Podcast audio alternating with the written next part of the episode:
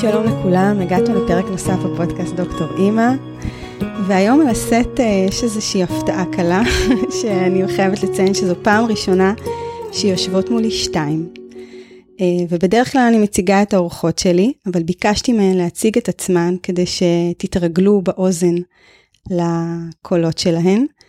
אז אה, ממי אנחנו מתחילות? אני גליה בביוף כדורי, אימא לשלושה, בת זוג לתומר, מטפלת באומנות והתמקדות, במתבגרים ומבוגרים, מדריכה הורים, מדריכה מטפלים באומנות, מנהלת עם טליה את אה, קבוצת התהוות בפייסבוק, ומנחה בקוס סדנאות אה, לנשים בהיריון ואחרי לידה. אז נעים מאוד, אה, אני טליה ארד, אני אימא לארבעה ילדים, בת זוג אה, לאורן, אני מלווה גברים ונשים בקליניקה בהרצליה, ובתל אביב, בעיקר במסע החיים שלהם, ברגעים שבהם אה, מרגישים שמשהו חסר או שקיימת איזושהי תקיעות. אה, אני מלווה ומנחה אה, סדנאות הורים בגישה שנקראת התמקדות. זו גישה של זו גישה שקשה להסביר אותה, זו גישה של חוויה יותר, של אה, גוף ונפש. אה, אולי גליה ואני נרחיב עליה, כי אנחנו שתינו עובדות בגישה הזאת. Mm-hmm. ועם גליה אהובה אנחנו אה, עושות אה, סדנאות קור, הנושא שמאוד מעניין אותנו זה נושא של מעברים, ובגלל זה הגענו לנושא של, אה, של נשים, של אה, מתוכך ובתוכך, זה נשים שקשור, זה סדנאות שקשורות ל... הריון ועיבוד לידה, אה, והיד עוד נטויה. אוקיי, okay, וואו. Uh, אני רוצה להגיד לכם שאני שומעת קצת התרגשות וגם אני מאוד מתרגשת, אני אפילו לא יודעת uh, לתרגם, אני פשוט אניח את זה שאני גם מתרגשת. Uh, אני בעיקר, uh, גם שיתפתי אתכם לפני, שאין לי מושג מה הולך להיות כאן.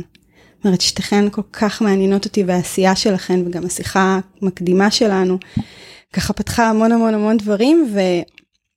ואמרתי לכם, בואו, נדבר, אני לא יודעת על מה, אבל נראה לי ש... שיש מספיק. אז אה, אולי נתחיל בלמה אתם כאן יחד, על החיבור הזה ביניכם.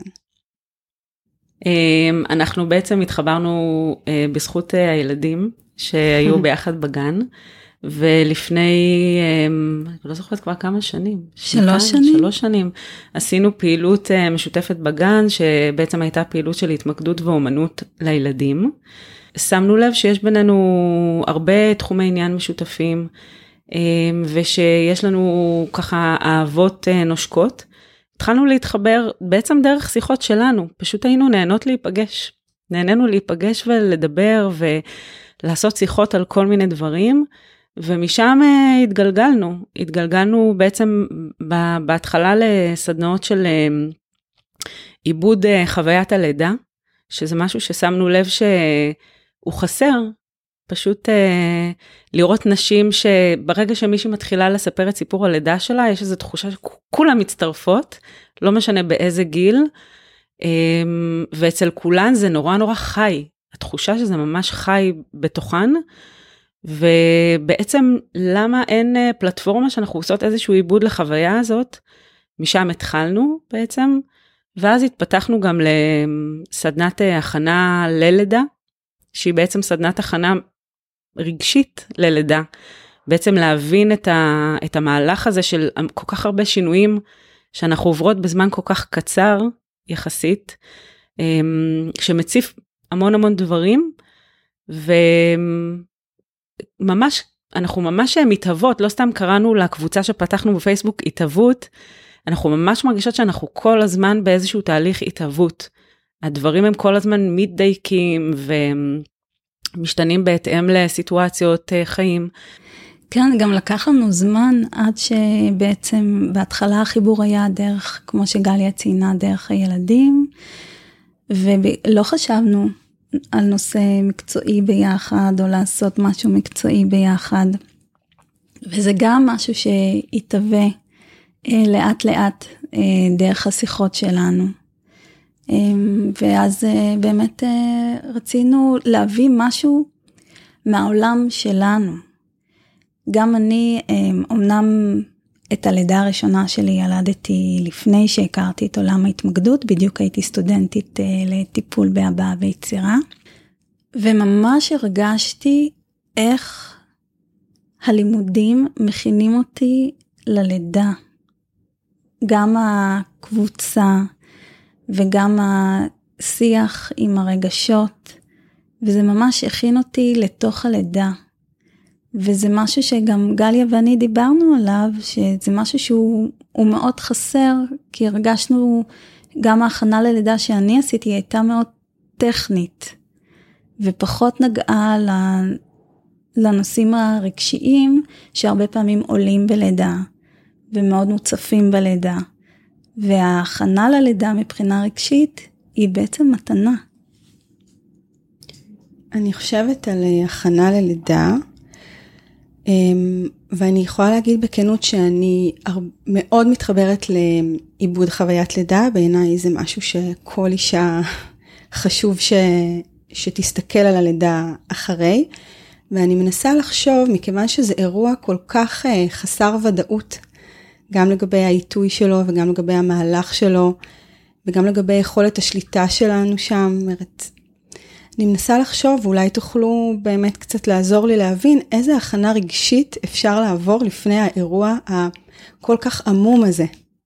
אני אגיד שאנחנו מדברות על עיבוד חוויית לידה לנשים, ואני אומרת, גם גברים. בוודאי. אני חושבת שזה, כן, כזה... לא, לא, בוודאי, בוודאי. לא.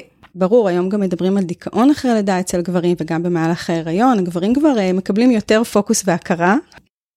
אבל בעצם, אם ניקח את חוויית הלידה כמו הרבה חוויות חיים אחרות שאנחנו הם, עשויים להיות מופתעים בהם, ואין לנו בעצם שליטה במקום הזה, גם ההיריון אגב, זאת אומרת, זה גם הכנה למקום של חוסר שליטה וחוסר ודאות, וכל המקום הזה שהוא גם, גם נושק חיים מוות כזה, זאת חוויה מאוד מאוד עוצמתית בחיים.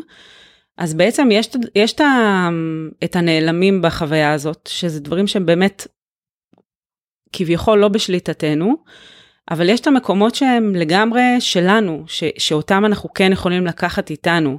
החיבור שלנו לגוף, המקום של התודעה שלנו. אה, אנחנו מדברות בעצם בהכנה ללידה על, על נוחות. זאת אומרת, בהיריון כל כך קשה להרגיש נוח. ולמצוא ו- ו- וליצור את המקומות של, של נוחות, זה משהו שהוא כל כך משמעותי, וזה משהו שהוא כל כך לא מיוצר באופן יזום, אקטיבי, על ידינו ביום-יום. בדיוק דיברנו על זה, אה, כמה פעמים אנחנו צריכים לשאול, מה שלומי? מה שלומי כרגע? אישה במהלך לידה עסוקה בכלל בלשאול מה שלומי?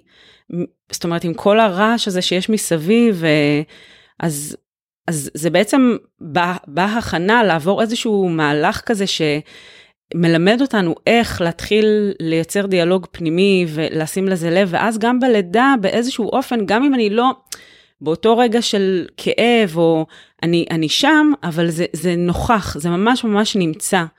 אמ, ובעיבוד חוויית לידה, זה כבר עבודה באמת קצת יותר של להכניס איזשהו רצף, תיחום איזשהו ציר שאנחנו עובדות עליו, וגם להכניס לשם איזושהי עבודת עיבוד שהיא לא רק במילים, היא גם בגוף, דרך uh, תהליכים של יצירה והתמקדות, ו- ובאמת לתת uh, לחוויות האלה שהרבה פעמים, uh, אני אומרת, סיפור הלידה, אנחנו מספרים אותו כל כך הרבה פעמים, שהוא מרגיש שהרבה פעמים כאילו הוא מצטמצם לאיזה טקסט כזה קבוע, ופתאום זה קצת אה, להפיח בו את החיים מחדש ו- ולתת לו את הגודל אה, שהוא, שהלידה ראויה לקבל. בעצם יש פה הזמנה, יש את החיים, יש את ההיריון שיש בו משהו מאוד מהיר, כל הבדיקות ולחשוב מה לקנות ומה לעשות והדאגה והחרדה, וגם הלידה שהיא יחסית לציר החיים היא היא מאוד זריזה ומהירה, כן, גם אם היא לידה של 12 שעות או לידה של 4 וחצי שעות. ויש פה הזמנה להאט. רגע להאט, להתבונן בסקרנות. למצוא, כמו שגליה אמרה, איך אני יודעת שנוח לי. כשנוח לי, קודם כל, הקרקע יותר יכולה להכיל דברים שעוברים עלינו. יש פה, בקורס ההכנה ללידה אנחנו גם מדברות הרבה על קרקוע ועל אפשרות להיות בנוכחות עם כל התחושות והרגשות שעולות בנו. אם למשל אני אה, מאוד אה, בחרדה, אז אני יכולה להיות כולי בחרדה, מכף רגל ועד ראש. ויש משהו בהאטה ובסקרנות, ואם אני חוזרת להתמקדות, שההתמקדות בעצם מלמדת אותנו אה, קצת כמו אה, הדוגמה שנתת לנו אה, בשיחה המקדימה, אם יש משהו בי, אז אני יכולה קצת להתרחק מזה. החרדה היא לא כולי, ולהתבונן על זה מתוך המקום אחרי שלמדתי מה זה להתקרקע, מה זה להיות בנוחות. בעצם יש פה הזמנה להאט ולהסתכל על הדברים, כי כל ההיריון שאנחנו עסקים וגם הלידה, זה לא מנותק מהחיים שלנו, מהסיפורים שלנו, מאיך שאנחנו חווינו את הלידה של עצמנו, מהיחסים שלנו עם ההורים שלנו, מהיחסים שלנו עם הבן זוג, מהאנשים, בעצם אנחנו אינטראקציה שלמה של אנשים, שבזמן כל כך קצר זה מאוד מאוד מרוכז. זה הזמנה שאנחנו מאוד מעט עושים את זה. כשאנחנו הולכים גם להבין הריון, אז בדרך כלל אנחנו, אני זוכרת את עצמי בודקת באינטרנט מה מצב העובר, מה הגודל שלו, מה, איך זה נראה, זה הכל מאוד טכני, ופה יש באמת הזמנה להתבונן ולהסתכל על הדברים ש, שאנחנו לאו דווקא רואים אותם, אבל הם בהחלט קיימים בתוכנו. ואני לפחות מאמינה שברגע שזה, שזה כאן, זה מונח, אז, אז גם אני יותר מחוברת לעצמי, אני יותר שלמה עם עצמי, יש לי יותר כוחות, כי בעצם באמת מדובר על הכוחות והיכולות לעבור את, ה, את התהליך הזה. אני חושבת על לידה שזה באמת אירוע בחיים שלנו כנשים שהוא מרכז בתוכו כל כך הרבה.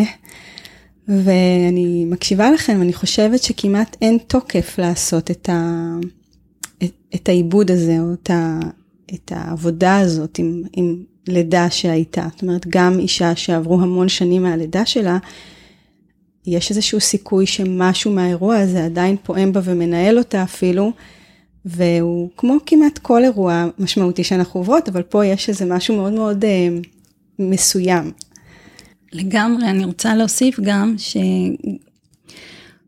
דבר שגליה ואני עושות, אנחנו עוברות בעצמנו. סדנאות שאנחנו מעבירות, או גם מהתרגילים שאנחנו נותנים, גם כשיש בינינו, נוצר בינינו משהו באינטראקציה, או לפעמים אה, תקיעות מסוימת, אנחנו עובדים עם, ה, עם הכלים של החיבור לגוף. וכשאנחנו עשינו לעצמנו, למשל, את הסדנה של העיבוד חוויית לידה.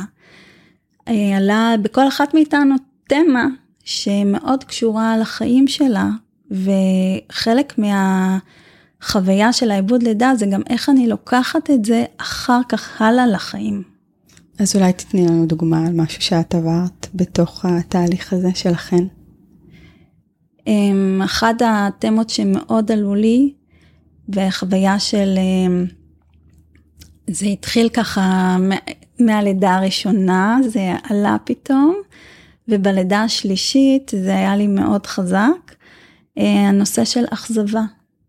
כאילו, התמה של אכזבה, מה זה לאכזב מישהו, להתאכזב ממישהו. הנושא של אכזבה היה גם בבית שלי משהו שמאוד קשה להכיל אותו ולהיות איתו, יכול מאוד להציף. ומה זה בשבילי. ואז גם אחר כך אני כאימא, מה אכזבה, קודם כל אני כאדם, לאכזב אה, קולגה, בן זוג, לאכזב את עצמי, ולאכזב את, ה, את הילדים. אז ברגע שפתאום היה כזה הכרה שיש משהו בנושא הזה שמעורר את הגוף שלי, או ש... מנתק את עצמו, או שדוחה את עצמו, או שלא נותן, עוצר תנועה, אוקיי? אז, אה, אז ברגע שאני אומרת, אוקיי, יש פה אכזבה, כבר משהו נוצר. ואז באמת להתבונן על זה, מה, מה זה אומר אכזבה, איך אני יכולה להיות עם זה, באיזה נוכחות אני יכולה להיות עם זה, מה האכזבה הזאת היא רוצה בשבילי, למה היא זקוקה.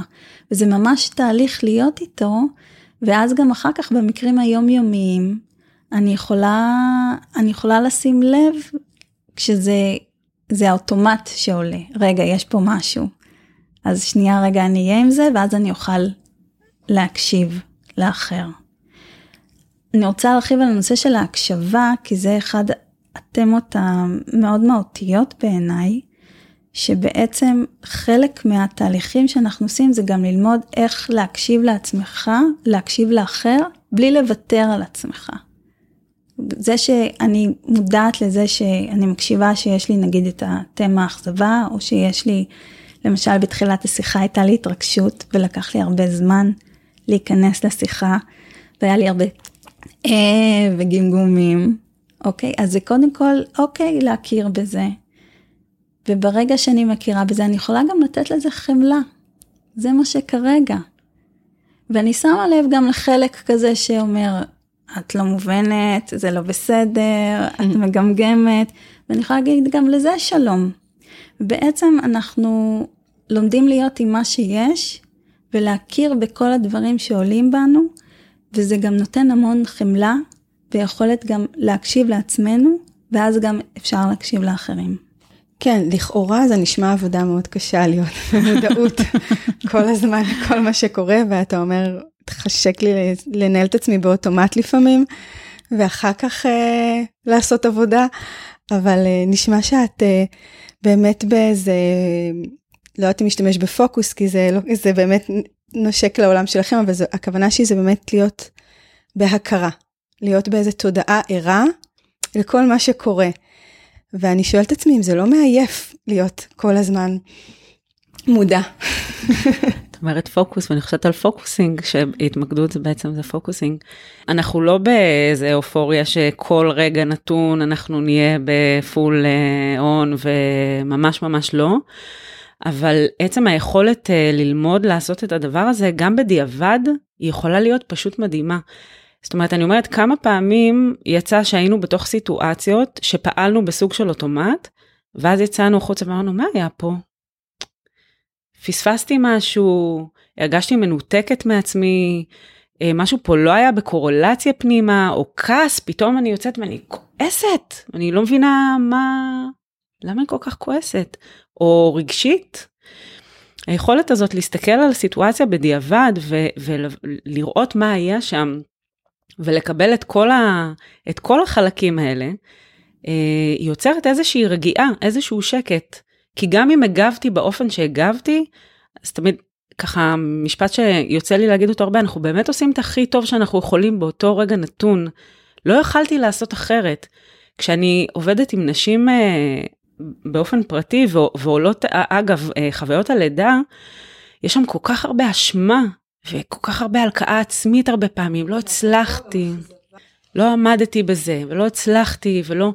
ופתאום אה, להבין שהגוף שלנו הוא יותר חכם מאיתנו, הוא יודע אה, איפה הוא לנתק את עצמו ואיפה לעשות דברים גם באופן שאולי אנחנו לא תמיד מבינות, ולהבין שבאמת עשינו את הטוב ביותר שיכלנו ופתאום, אני מרגישה תמיד שבלידות, כאילו לידה באה לספר לי סיפור. היא באה לספר לי סיפור שהוא הוא, הוא בהיסטוריה שלי והוא בהווה שלי והוא גם בעתיד שלי אם אני, אם אני אסכים לעשות איתו משהו. ואם אני לוקחת אותו ומרחיבה אותו ובאמת מתבוננת עליו, אז הוא לא חד-מימדי, זה לא רק כישלון, זה לא רק אכזבה, זה לא רק חוסר הצלחה. גם בהתאם למי אני מודדת את עצמי. בסרגל שלי, למישהי אחת, אה, עצם הסיום לידה בבריאות ושלמות גוף היא חוויה מדהימה, ולמישהי אחרת זה בכלל לא משנה. כי הייתה שם אכזבה שיש קרע והיו צריכים לתפור. זאת אומרת, ביחס למי אני בעצם משווה את עצמי, אז אנחנו לא, לא, לא באמת אה, אומרות אפשר להיות כל הזמן במודעות, בטח לא בסיטואציות אה, כאלה שהם, המערכת לא יכולה להכיל אותם בכלל. אבל אני יכולה להגיד על עצמי נגיד שהרבה פעמים עשיתי תהליכים כאלה על, על טראומות חיים או רגעים כאלה, וזה ריווח, זה הכניס משהו שפתאום יכלתי לא רק לבקר את עצמי על למה לא תפקדתי, למה הייתי מנותקת, או...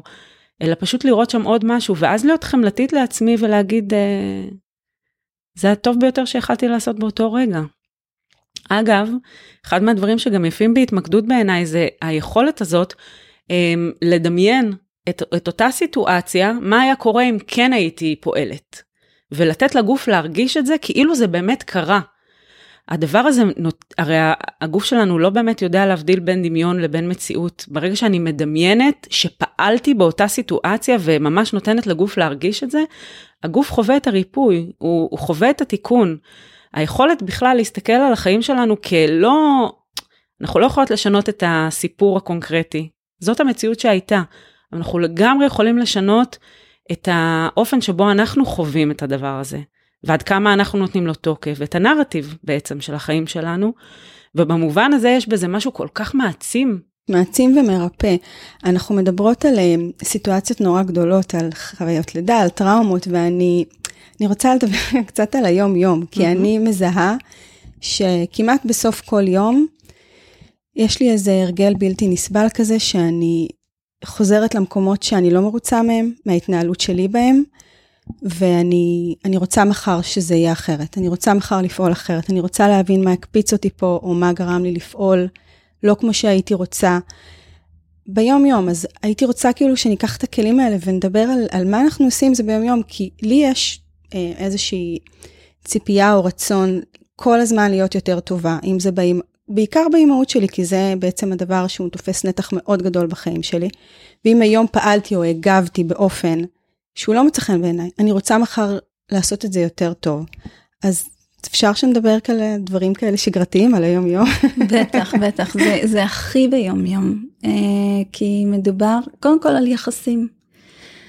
אז אה, בא לי להגיד שבאמת הכל בסדר ואי אפשר לא לעשות טוב.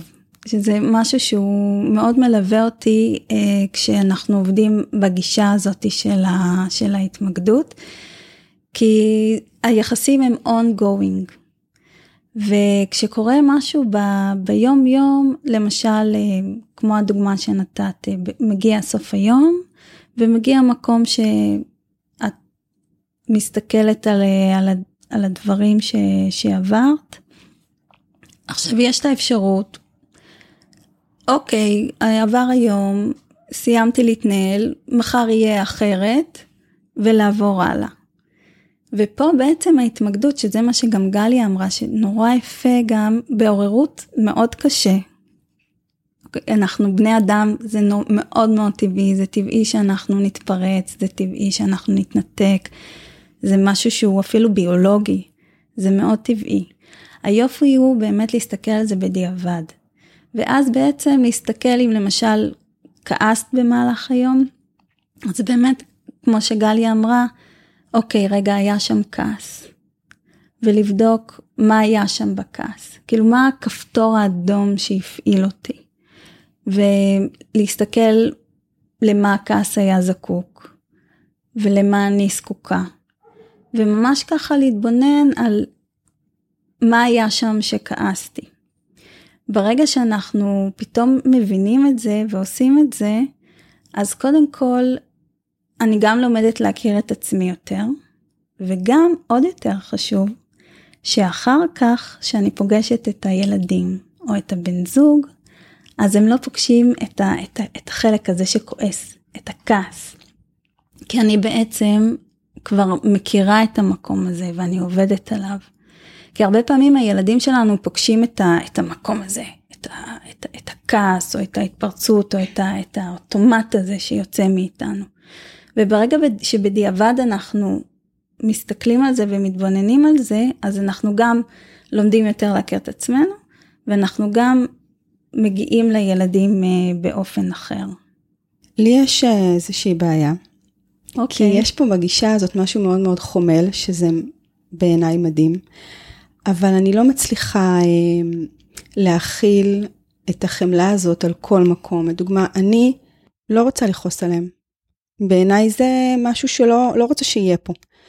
ו, וכשהדברים האלה קורים, זאת אומרת שזה חוצה את איזשהו קו אדום שלי, כל אחד עם הקווים שלו, אז מבחינתי זה לא משהו שהוא רק אה, זה טבעי וזה, ומותר לזה לקרות. לא, אני לא רוצה שזה יקרה. אז אני לא מכיל, זאת אומרת, כלפי עצמי, אני מניחה שבכיסא המטפלת אה, יכולתי להגיד דברים אחרים, אבל כלפי עצמי אני לא מרגישה שאני מצליחה לחמול על כל דבר שקורה ולהסתכל עליו בשוויון נפש. בא לי להגיד, בטח שלא. אוקיי. כאילו, זה, אוקיי, זה לגמרי טבעי, וזה לא אה, גישה שהיא, יש בה חמלה ואמפתיה, אה, אבל זה לא, זה לא הכוונה של אה, המצב, להגיד שזה נורמלי לכעוס, זה לנרמל את המצב הזה. ברור שיש חלק שרוצה מאוד שזה לא יקרה.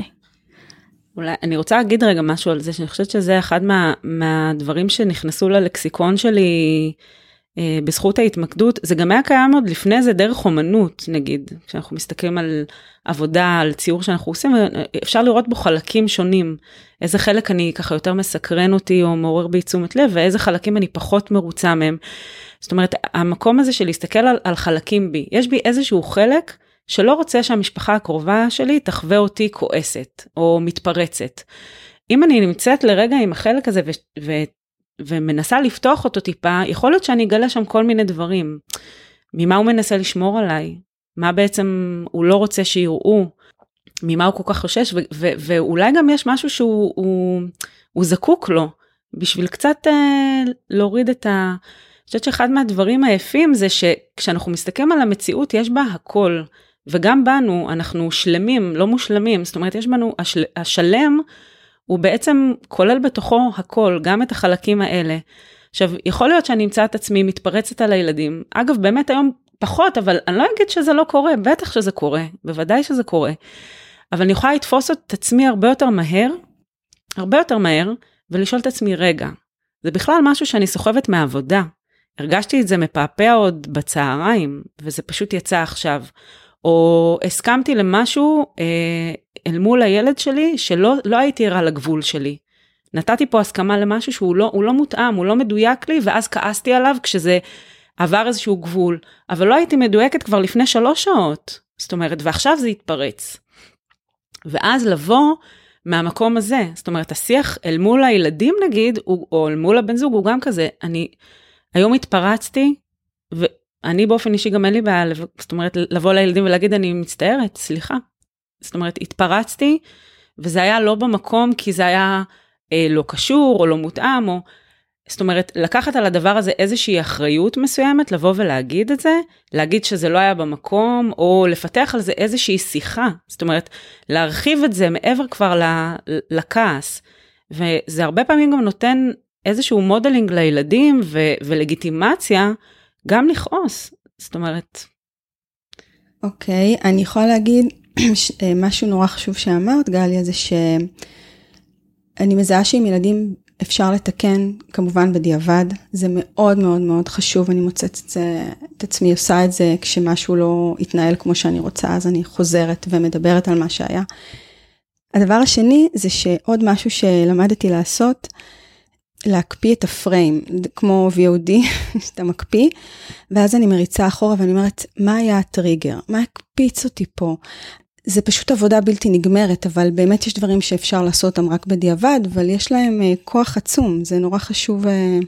אני רוצה להגיד שזה שריר שמאמנים אותו, אני מרגישה שזה שריר כמו כל שריר בגוף. שברגע שהוא מאומן, אני מבינה את המקום ש... שמרגיש כאילו זה, זה כרוך בהרבה מאוד מאמץ. אני חושבת שבתחילת הדרך, זה באמת הרגיש קצת יותר, אה, אה, יותר עם מאמץ, או, או פחות טבעי נקרא לזה, יותר מלאכותי אפילו. ועם הזמן זה פשוט הופך להיות משהו שהוא כבר קורה באותו רגע. זאת אומרת, זה כזה, אתה, אתה מרגיש את זה, ואז אתה מכיר בזה. גם אם אני באותו רגע לא עושה עם זה שום דבר, אני לא מחפשת לשנות את זה. אני רק יכולה להגיד לעצמי, יש בי כעס. אני לא יודעת למה כרגע, אני לא מחפשת לעשות עם זה שום דבר, אבל אני, אני שמה לב לזה שזה קיים בי, וזה כבר משהו. אני רוצה לחדד את הנושא של ה... למה הכוונה בחמלה, כי יש בו באמת את החשיבות של ההכרה בזה. אנחנו, הדוגמה הכי טובה זה באמת רגשות, שלמשל כעס זה משהו שמאוד ממלא אותנו, ואנחנו מוצפות מזה, ולמשל עצב זה משהו שאנחנו מעדיפות לראות טלוויזיה או לדבר בטלפון, זה משהו שאנחנו... או לנשנש, כל אחת עם כן. הטכניקות שלנו. ובהתמקדות אנחנו בעצם מציעים פה יחסים עם הדבר הזה. עכשיו, אם למשל כעסתי מאוד, אז מאוד מהר יכול לבוא לי המקום המבקר שאומר, סימה גרועת, ואת לא טובה מספיק, ולמה התפרצת עליהם, ולמה את צריכה לצעוק עליהם, ואז זה גם חוויה מאוד קשה ומאוד ביקורתית, וזה משהו שגם תוקע, זה יכול להמשיך הלאה והלאה כל פעם שזה יקרה. אבל אם אני שנייה, וזה היופי בהתמקדות, שהיא מצליחה להפריד על ידי השפה, שאומרת, אוקיי, רגע, היה בי כעס, משהו בי הרגיש כעס, יש בי חלק שהוא כועס, זה לא כולי. ואז באמת, כמו שכבר דיברנו, להסתכל על מה הכעס הזה רצה בשבילי, אולי הוא רצה לתחום איזשהו גבול, אולי באתי איתו, אולי איפה היה האוטומט. אז, אז זה בדיוק המקום שבו אני לומדת להכיר את עצמי, ואז באמת זה היופי ביחסים, כמו שאמרתי, יחסים עם הילדים שממשיכים, או עם הבן זוג, או בכלל יחסים גם עם עצמי, שכמו שגלי אמרה, זה, זה ממש שריר. אנחנו לומדים לתפעל את זה. אחר כך זה גם נהיה יותר מורכב, כי מתחת לכעס יש עוד רגש, ואולי יש בהלה, ואולי יש עוד משהו, ואז אנחנו לאט לאט לומדים יותר להכיר את עצמנו, וברגע שאנחנו יותר מכירים את עצמנו ורואים את הדברים האלה, וגם את החלק שאומר, את אימא נוראית, אז אוקיי, זה חלק בי, זה לא אני, אני לא אימא נוראית. אולי באותו רגע זה מה שאותו חלק הרגיש. אז זה מאפשר מרווח נשימה, ואז המרווח נשימה הזה מאפשר באמת להיות נוכחת. אפרופו, לא רק במקרים כמו למשל סוף היום, זה גם אם ילד בא אלייך עם בעיה מאוד קשה, בעיה רגשית, חברתית, שמאוד מפעילה אותך. ואת ישר רוצה, אנחנו ישר רוצות להתקשר למנהלת ולהתקשר למורה ולהתקשר לאימא של החברה. לפעול. אז, בדיוק. Mm-hmm. אז זה חלק בנו שרוצה לפעול, אבל שנייה רגע בואי נשים לב מה זה מעורר בי. יש בי אולי בהלה, יש לי אולי עצב, יש לי אולי כעס, יש לי אולי קושי לראות את הילד שלי בצורה הזאת. וברגע ככה שאנחנו אפילו, אפילו רק ב, כמו זה נקרא פינוי מרחב, אוקיי, אני כועסת, שלום לכעס, אני עצובה, אני שלום לכעס, אני ככה, אני, אני מבטיחה שאני אחר כך אשב איתכם ואני אבדוק מה היה שם. אז אנחנו יכולים להיות עם הילדים שלנו. וכמה זה מרפא כשאנחנו באמת נמצאים איתם בדבר הזה, מבלי הבהלה או הביקורת או כל מה שעולה שם, רק להיות. כמה זה אמ, פוגע כשקורים דברים, כמה זה מאכזב שקורים דברים. אני חושבת שגם, אגב, הרבה מתהליך הם, אמ, של טיפול, של, של תיקון, של ריפוי, הוא בעצם אה, קצת אה, ללכת נגד אוטומטים שאנחנו מסגלים בחיים. זאת אומרת, זה, זה לראות את האוטומטים האלה ו- ולראות, זה משרת אותי, לא משרת אותי, זאת אומרת, להכניס איזה, איזושהי מודעות לכל מיני דברים, הרגלים כאלה בחיים שאנחנו מסגלים אותם, ואז פתאום משהו נפתח. אמ, בטיפול באומנות זה, זה נורא נורא בולט, הרבה פעמים כשאנחנו באים לתוך, לדף הלבן, בעצם נעשה אנלוגיה בין הדף הלבן למציאות, זאת המציאות. אז עולים שם כל הקולות הביקורתיים, מה, מאיפה אני אתחיל עכשיו, איך זה ייראה, כל דבר שאני אעשה יש לו איזושהי משמעות, אז יש בזה משהו שעשוי להיות נורא נורא משתק. והרבה פעמים אנחנו גם נפעל באיזה אופן אוטומטי, תמיד מאיזשהו קו מסוים, באיזושהי תנועה מסוימת, תמיד עם... וברגע שפתאום אפשר לקחת את המציאות הזאת שנוצרה, אוקיי? נגיד, רציתי לצייר עכשיו... אה, אישה, אה, אני פשוט רואה את הפסל מולי, אישה בהיריון מלטפת את הבטן, מסתכלת על, ה, על הדף הזה, ואיפה, איפה בכלל מה שדמיינתי ומה שאני רואה פה, זה לא קשור, זה לא, אני לא מצליחה, כמו הרבה פעמים בחיים. ואז מה אני עושה עם זה? מה אני עושה עם הפער הזה בין מה שרציתי ופינטזתי ודמיינתי, לבין מה שיש לי מול העיניים? שאני יכולה נורא נורא להתעקש על זה שאני רוצה שזה יקרה בדיוק כמו שאני רוצה ולהפעיל שם המון המון המון אנרגיה. יכול להיות, זה, זה דרך אחת. יכול להיות שאני אמצא דרך אחרת לפעול, יכול להיות שאני אתן לצבע, לתהליך, לגוף כבר להוביל אותי למקום אחר. הרבה פעמים ב, בעצם זה שאני מרחיקה מבן אדם את הציור, אומרת לו קח צעד אחורה, או להחזיק את זה מול העיניים שלו וליצור את ההרחקה, אפרופו מה שטלי דיברה מקודם על, ה, על המרחק ביני לבין הדבר, אני כבר לא, זה, זה כבר לא פה מול העיניים שלי, אלא כבר פתאום משנה משהו בזווית מבט. אפילו להפוך את הדף, ל- לראות אותו מזווית אחרת, זאת אומרת לסובב אותו. המציאות היא אותה מציאות, היא לא השתנתה, הזווית מבט השתנתה. זאת אומרת, אני רואה אותו בזווית אחרת, פתאום זה נפתח. פתאום משהו קורה שם, יש לי הבנה מה אני, לאן אני ממשיכה מפה. זה אנלוגיה שמאוד עוזרת ככה, כן, להבין את המקום. אני חושבת שבשיח עם ילדים, אחד הדברים שאני מוצאת שמאוד מאוד עוזרים לי זה, זה הפרדה ביני לבין הילדה. נתת דוגמה של הילדה, ויש פה ילדה והיא מתבגרת, ויש כל כך הרבה סיטואציות. אז אני חושבת, ש... וכמובן שזה לפעמים דורך לי בדיוק על המקומות שלי, ואחד הדברים ש... שעם הזמן למדתי ועוזרים לי זה העצירה הזאת, כמובן לא לפעול ולא לפתור לה את הבעיות, אבל לעשות הפרדה, מה שלה ומה שלי. איפה, האם הסימביוזה הזאת משרתת אותנו עכשיו, או שכדאי באמת שאני אניח את, ה, את מה שהיא מביאה כמו שהוא, וזה שלה. אמ, אז זה, זה עבודה באמת יומיומית. ועוד דבר שחשוב לי לא לחזור ולהתעכב עליו, על המקום של הכעס. אז טליה, משהו שאת אמרת על הכעס, אה, אני לא יודעת למה אני חוזרת לשם. אה, באמת תיארת איזשהו שיח אה, פנימי, שקצת אפילו הלקאה עצמית, שאני אימא נוראית, ואיך יכולתי לפעול ככה וזה. ו, וזה באמת משהו שהוא מאוד משתק ולא מקדם אותנו לשום מקום, אבל אני רוצה אה, לספר לך שיש בי גם איזושהי הלקאה עצמית, אבל כאילו משהו בסגנון אחר, ואני מזהה שזה עוזר לי. כי אני לא אומרת לעצמי שאני אימא נוראית ואיזה גרועה אני, ואני אומרת לעצמי שאני אימא מדהימה, ושהילדים האלה הם הדבר הכי חשוב לי בעולם, וחשוב לי שהם יקבלו אותי עם הכי הרבה פניות וחמלה. העבודה שלי היא לעשות את העצירות האלה, ואת הפוקוס הזה רגע לפני, ואני פשוט מזכירה לעצמי כמה אני אוהבת אותם וכמה הם חשובים לי, וזה גם סוג של לתת לעצמי בראש, אבל ממקום שאני מזהה שהוא עוזר לי להתנהל אחרת מחר, כאילו יותר טוב, יותר נכון, יותר מדויק, לא משנה. יש פה, יש פה הפרדה, יש פה באמת את המקום שהוא מרגיש סוג של כוחות שיש בך, שאומר, אני אימא מדהימה, אני יודעת שאני אימא מדהימה. ויש חלק אחר שאומר, אבל את לא יכולה לבוא אל הילדים בצורה הזאת. אני, אני אוהבת אותם, אני, זאת המערכת היחסים שלי איתם, היא מאוד מאוד חשובה לי, יש שם מקום שקשה לו. וזה, וזה בדיוק, וזה חלק.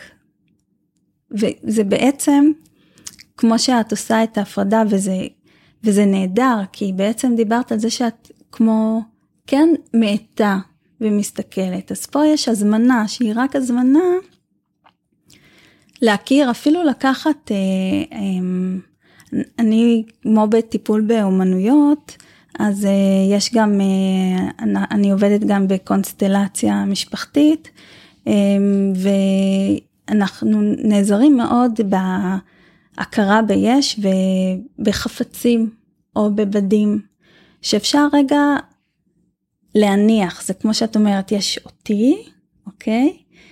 יש את החלק בי שאומר, אני אימא מדהימה. יש את הקושי, ואני פשוט מניחה פה כן. חפצים, ויש את, אה, את זה שאומר, אבל את לא יכולה להתנהג ככה. וממש אפילו רק לשים לב איך זה כשהם מסתכלים על זה.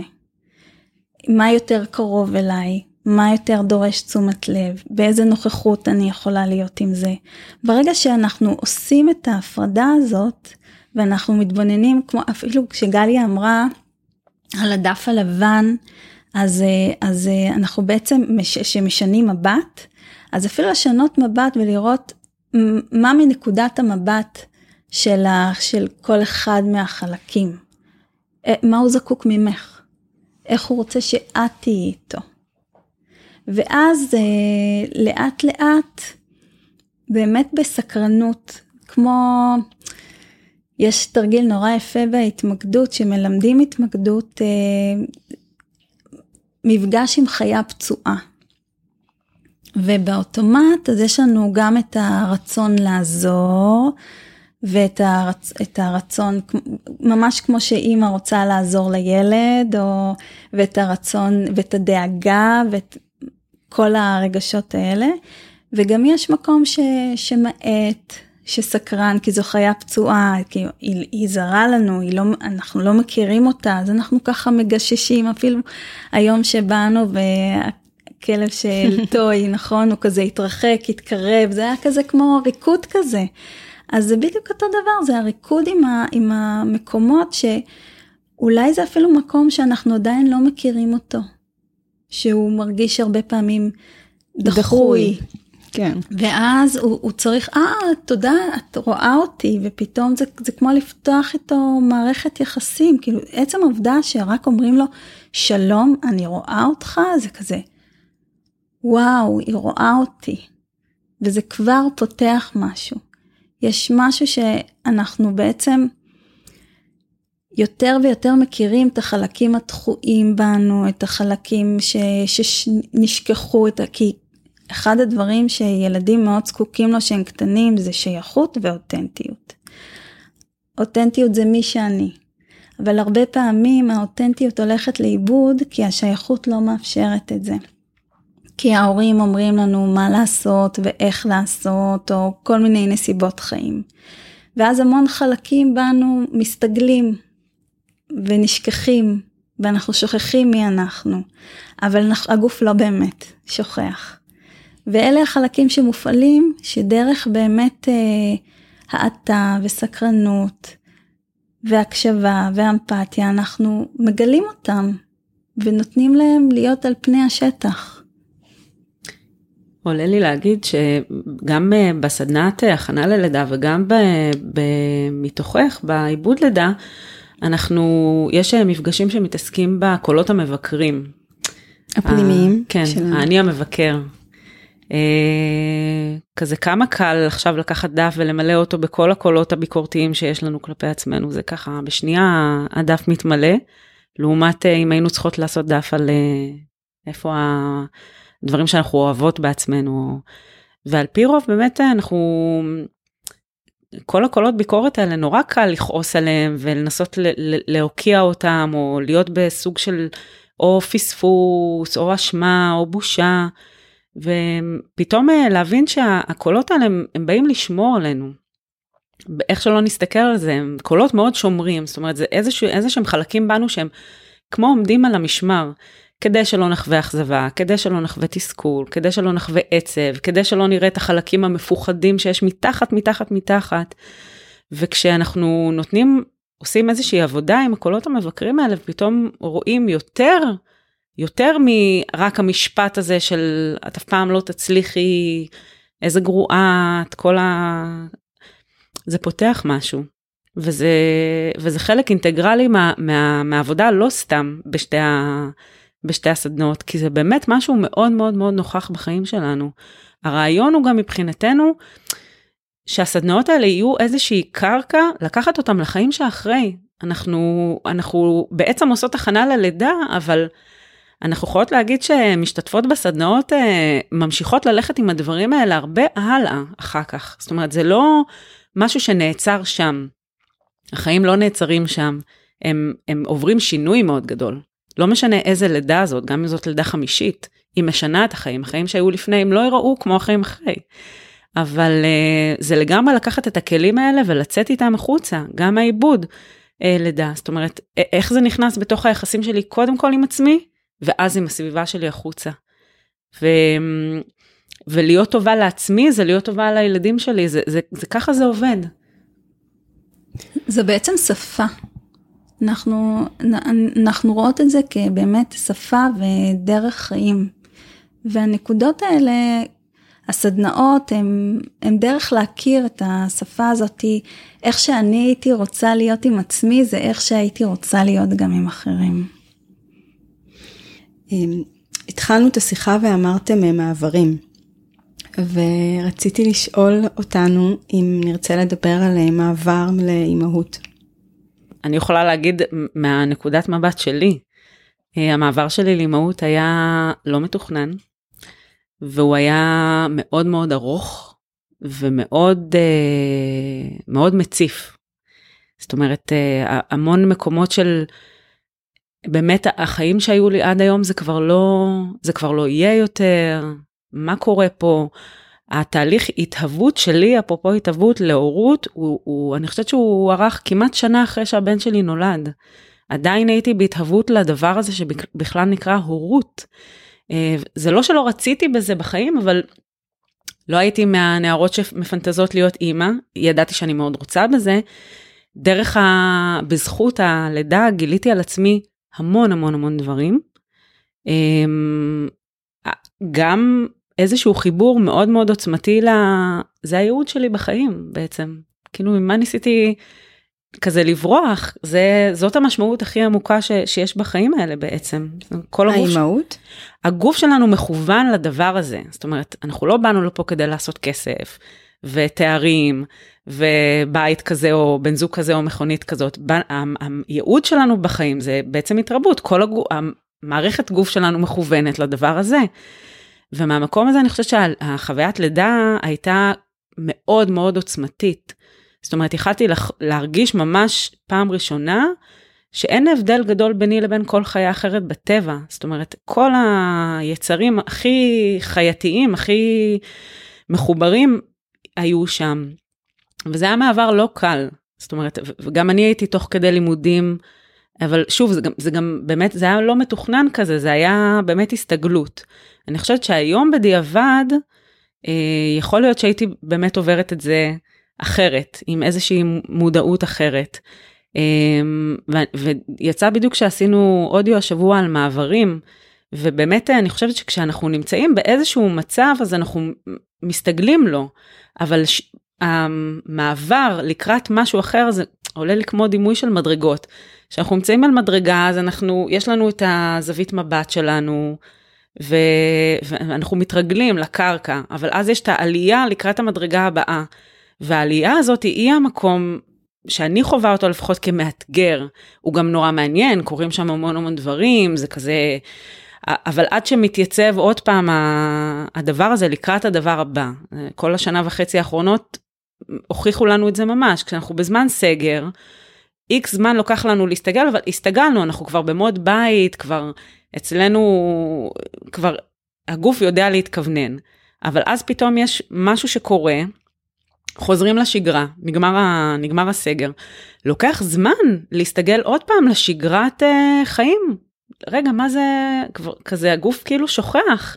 מה זה לקום בבוקר לפזר ולחזור ולא להיות ביחד פיזית וכזה, ואז עוד פעם, שוב פעם, אנחנו נמצאים בבית, ועכשיו פתאום גם אזעקות, וגם המימד של החרדה הקיומית נכנס שוב פעם, זאת אומרת, כל מעבר כזה הוא, הוא, הוא, הוא עניין, זאת אומרת, הוא, הוא, הוא לא פשוט. אחר כך אנחנו כבר, הגוף מוצא את דרכו לשם. זה מעניין כי האימהות היא גם, אה, יש משהו, אני יודעת, אני אימא, למרות שאני חייבת להגיד, אני כמעט 16 שנה אימא, ועד היום שקוראים לי אימא זה כאילו... זאת אני? כן. ו... ובאימהות יש המון מעברים. יש אה, גם, גם כל ילד, אני חושבת שאחד המטרות שלי באימהות זה באמת הנפרדות שדיברנו עליו. זה, הם לא שלוחה שלי, הם גם שלי, אבל הם לא שלי. כאילו, אני תמיד חושבת על זה שאני אמות, אני לא אקח איתי לא את הילדים, ולא את הבן זוג, ולא את המכונית, או את הבית, או את התואר, או זה ממש שום דבר לא מעניין, זה שום דבר הוא לא באמת שלי. וזה באמת, הקסם זה, וואו, הם אנשים בפני עצמם. לראות את הנפרדות הזאת ואת העצמאות שלהם. שזה לא תמיד פשוט. כי עוד פעם דיברנו על המקום שהאם הם, אה, הם מתנהגים בצורה מסוימת, אז אה, האם זה אומר משהו עליי, או אני מאכזבת כאימא, או האם ההצלחות שלהם הם אה, הצלחות שלי, או כל מיני שאלות, אבל אני, אני חושבת שבאמת אני רוצה לראות אותם כאנשים נפרדים. וההתמקדות היא משהו שמאוד מאוד מאוד עזר לי להבין אפילו את המושג גבול. גבול יש משהו שהוא מאוד קיר בעיניי, כאילו הרבה פעמים מדברים על זה שגבול הוא משהו שהוא מאוד מאוד חשוב. אז ילדים צריכים גבולות, גם שתינוקות אז אה, שמים להם את הסמיכי הזה כדי שירגישו את הגוף שלהם, הזה. כן. אבל הרבה פעמים אם אנחנו נחזור גם לנושא שאם יש את הטריגר הזה, את הכפתור האדום, אנחנו הרבה פעמים יוצרים גבולות מבחוץ בלי להבין אותם. אנחנו כאילו שמים איזשהו קיר ביני לבין הילד, ואז אה, הוא פוגש את הקיר. אז אחד הדברים שממש למדתי זה בעצם לשרטט את המרחב שלי, ואז אני יכולה לשחק מה, מה טוב לי, מה לא טוב לי, רגע מה, היום, היום בא לי לשבת איתם בסלון אה, עד תשע וחצי עם פופקורן, לראות את הסרט, סבבה לי, יאללה בואו. יום למחרת, כאילו אם, אם אני צריכה את השקט שלי וזה, אז, אז לא. וכל עוד זה יציב בתוכי, אז גם אני לא מרגישה שהם לא יציבים, או שאני לא יציבה. ו- וזה באמת נותן להם את היכולת גם להקשיב לעצמם, לגבולות של עצמם, לשרטט את, ה- את המרחב שלהם, עד כמה מה הם, מה הם רוצים, עד כמה הם, אה, הם נותנים לדברים להתערבב בתוכם. זה אחד הדברים שפשוט חשוב לי מאוד באימהות. אם ניקח את זה למקום של מעברים, הגבולות, זה שדיברנו על זה קצת בהקלטה, זה שאני שמה גבול למשהו, כמו תוחמת אותו, אה, יכול גם לעזור לי לעבור לדבר הבא. זאת אומרת, אה, סיימתי יום עבודה, נגיד כל מיני טקסים של החיץ הזה עד שאני מגיעה הביתה, נגיד, אמ, לקראת משהו אחר, ואז פתאום אני יכולה להגיע כמו נקייה, זאת אומרת, כמו משהו שהוא חדש, ב, ב, ב, זאת אומרת, בהתכווננות, ולהיכנס אליו. אני חושבת שהמעברים האלה זה גם משהו שהוא... הוא גם מדובר בתוך הבית, נגיד אל, אל מול הילדים, בטח, בט, בטח בכל ה... בתקופה האחרונה זה ככה היה קרקע פוריה לשיח כזה, של באמת לא פשוט כל פעם ה, ל, ל, ל, לארגן את הגוף מחדש לקראת משהו ועוד משהו ועוד משהו, זאת אומרת זה, זה באמת אה, דורש איזושהי זמן הסתגלות. התעכבתי על מעבר לאימהות כי אני מזהה ש... נגיד את אומרת אה, גליה על, ה, על הטקסים, אז נכון שהרבה רואים בהיריון איזושהי הכנה, אמ, אבל יש משהו במעבר לאימהות שהוא מאוד מאוד אמ, מיידי, מאוד פתאומי. אה, שני דברים שאני הרגשתי שזה היה המעבר הכי הכי חד בחיים שלי, ושני דברים הרגשתי שם. אחד זה שהחיים שהיו לפני לא יחזרו. והדבר השני שהרגשתי זה שיש לי אחריות מאוד מאוד מאוד גדולה. בהתחלה ממש לשמור על היצור הזה חי. והאחריות הזאת היא לא קטנה עם הזמן, אני מרגישה אחריות מאוד גדולה. היא אפילו רק הולכת ומתפתחת, פעם זה היה ממש הישרדותי, אבל גם היום, אפרופו אנחנו מדברים על התקופה האחרונה, היא לגמרי מחזירה אותנו למקום של אה, לשמור אותם בחיים. אה, אז שני הדברים האלה יצרו מעבר שהוא מאוד מאוד משמעותי, ואני שואלת אם יש משהו בכלים שאתם מציעות שיכול אה, לדבר את, המעברי, את המעבר הזה. כן, זה מעניין שאת אומרת מעבר מהיר, ואני אומרת תשעה חודשים, כשאנחנו תופסים את זה במימדי החברה שלנו, לקראת מה אנחנו מתארגנים אה, תשעה חודשים? כמעט כן, אבל זה תשעה חודשים שכביכול החיים ממשיכים. נכון, אז אני חושבת שזה בדיוק העניין. שכשאנחנו ממשיכים את החיים ברצף החיים, אנחנו חיים בחברה שאם יש כאב ראש לוקחים כדור וממשיכים את היום יום, נכון? אם אני עכשיו בווסת ולא נוח לי אז אני אקח כדור ואנחנו לא באמת עוצרים לשאול את עצמנו, אפרופו מה שאמרנו קודם, מה שלומנו, ו- ולראות מה קורה. ואם אני בסוג של נוכחות כזאת, אז אפילו, אפילו לא תשעה חודשים כדי רגע להבין מה קורה איתי. כי באמת בתשעה חודשים האלה, הגוף שלנו משתנה ולא בהתאם לאיך שאנחנו תמיד רוצות, זאת אומרת לא בשליטתנו.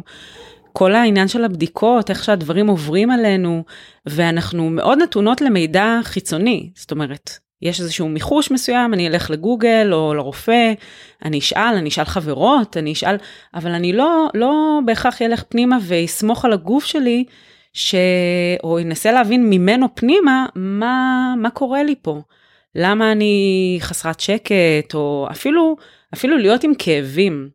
זאת אומרת, אה, לי יצא באופן אישי להתמקד לא פעם על, על כאבים, ממש על כאב בגוף.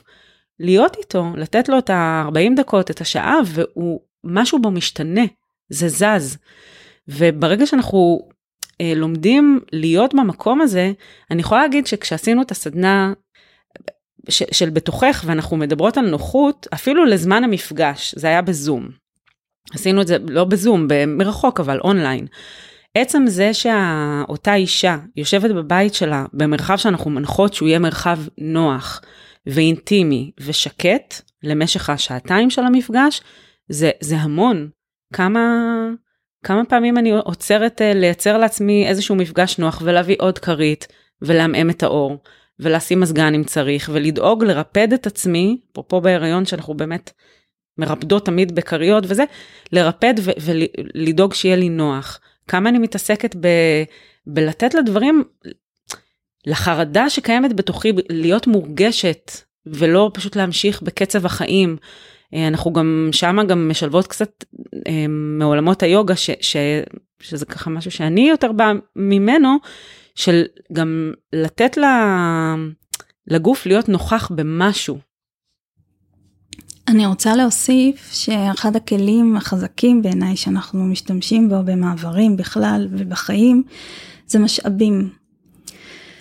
מעבר הוא לא מנותק.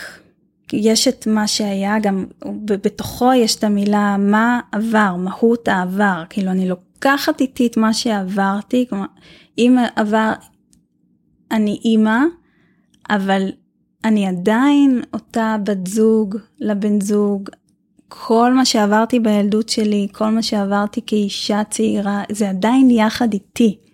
אני לוקחת את כל הדברים האלה איתי לאימהות. אז קודם כל אנחנו עובדים מאוד על משאבים. שמשאב זה כל דבר שעושה לנו טוב, שקיים לנו בחיים. שאם זה יכול להיות אה, טבע, מקומות כמו ים או יער, זה יכול להיות מוזיקה שאני אוהבת, אה, בעל חיים, זה יכול להיות אה, כל דבר שאני יודעת שבגוף שלי ולי עושה טוב, מקלחת חמה, אלה דברים שגם יכול להיות שבהיריון, למשל לעשן אה, יכול להיות שעשה לי מאוד טוב, היה לי משאב, ובהיריון זה כבר, כבר הפסקתי, אז יכול להיות שיש משאבים שכבר לא קיימים ואז אני אולי מחפשת משהו אחר, אולי פתאום התחלתי יוגה להיריון וזה עושה לי מאוד טוב. אבל המשאבים האלה ממשיכים גם ללכת איתנו באימהות. והם כמו הנוחות, הם כמו קר שאיתם אנחנו יכולים להיות במקומות שקשים לנו, במעבר הזה. ואנחנו כמו אומרים לעבר, את חלק מאיתנו. אנחנו, אתה לא נפרד מאיתנו, אני לוקחת אותך איתי למקום הזה, לאימהות.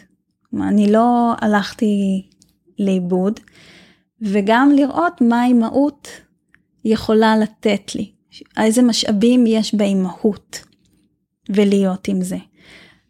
ו, ומתוך זה לצאת למקומות שבאמת המעברים האלה שקשים לי, שאני יכולה מאוד להזדהות עם זה, אני זוכרת שאני ילדתי, אף אחת מהחברות שלי עדיין לא הייתה אימא.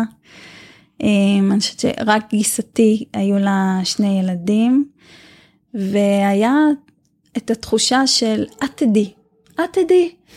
אם התינוק בוכה, את תדעי למה הוא בוכה, את תדעי, את תביני. זה, זה משאיר אותך לבד. זה כמו שאנחנו אומרים לילד אה, שלא הצליח, ניסית, או לא נורא, או המשפטים האלה משאירים מאוד מאוד לבד.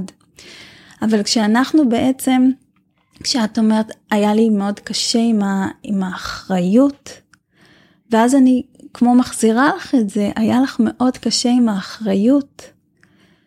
ואת, ואז זה גורם לך רגע לדייק, כן, היה לי קשה עם האחריות, ואני יכולה לשאול אותך, ומה עוד היה שם? ולאט לאט אנחנו בעצם מגיעים למה גם יש מתחת, מתחת לזה, ואני לא משאירה אותך לבד ב... כן, אימהות זה אחריות. זה גורם לי לחשוב על זה שכשאנחנו הולכים אל מעברים שאנחנו פחות יודעים לקראת מה אנחנו הולכים, אז הרבה פעמים אנחנו יכולים לשאול מה אנחנו כן יודעים. נגיד אה, כמו מעבר, אה, אנשים עושים רילוקיישן לחו"ל.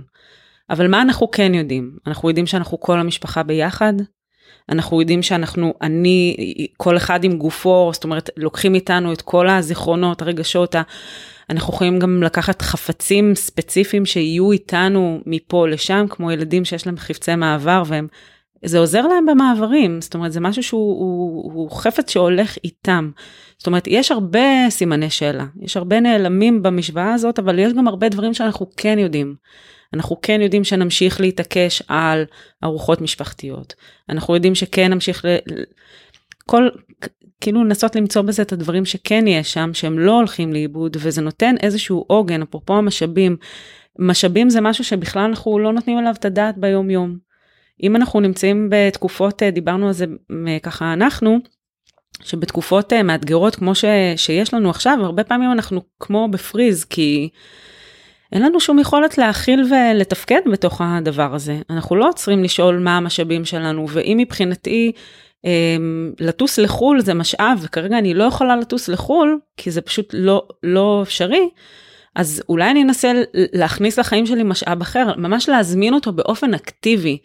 יש משהו גם בלהיות אקטיביים בחיים שלנו ולא לחכות שזה יגיע כאילו מבחוץ. זאת אומרת, אני מבינה שכרגע אני בתקופה בהיריון שאני לא יכולה לעשות את הספורט שאני אוהבת, ואני לא יכולה לעשן, ואני לא יכולה לשתות, ואני לא יכולה ל... ל... המון המון דברים שלא קיימים, אבל יש הרבה דברים שאני יכולה להוסיף לחיים שלי, כאילו לאזן את זה.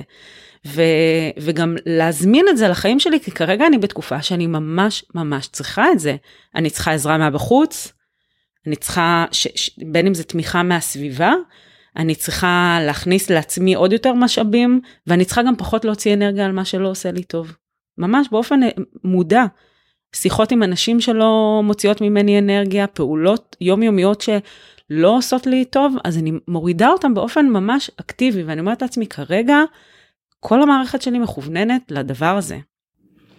בעצם הרעיון הוא כמו טיטרציה של בכימיה, שאנחנו לוקחים קצת מפה וקצת משם, אם יש את הקושי, אז אנחנו לוקחים את המשאב, את משהו שהוא כרגע לא יכול למלא אותנו, ואנחנו יותר זקוקים לו, מאשר שהוא זקוק לנו.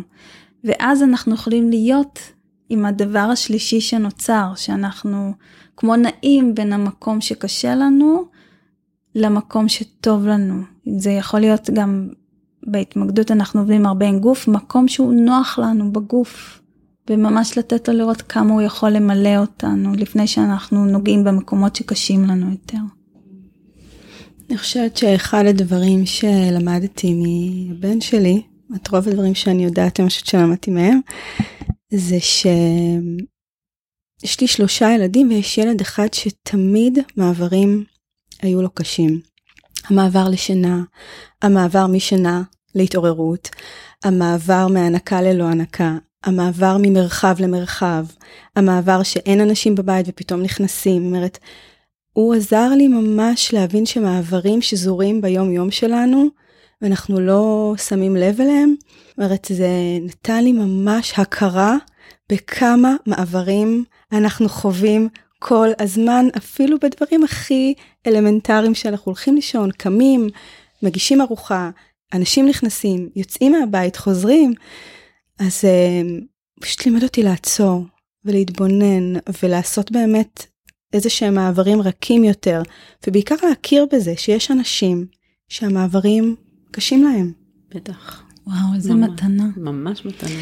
זה, זה ממש גם זה שיכולת לעצור איתו ולהתבונן, אז זה בעצם בזכותו זה לראות דברים שלא היית רואה. מעניין שהעלית עכשיו אה, משהו שגם מאוד קשור לצורך, כאילו לזהות את הצרכים ולא, ל...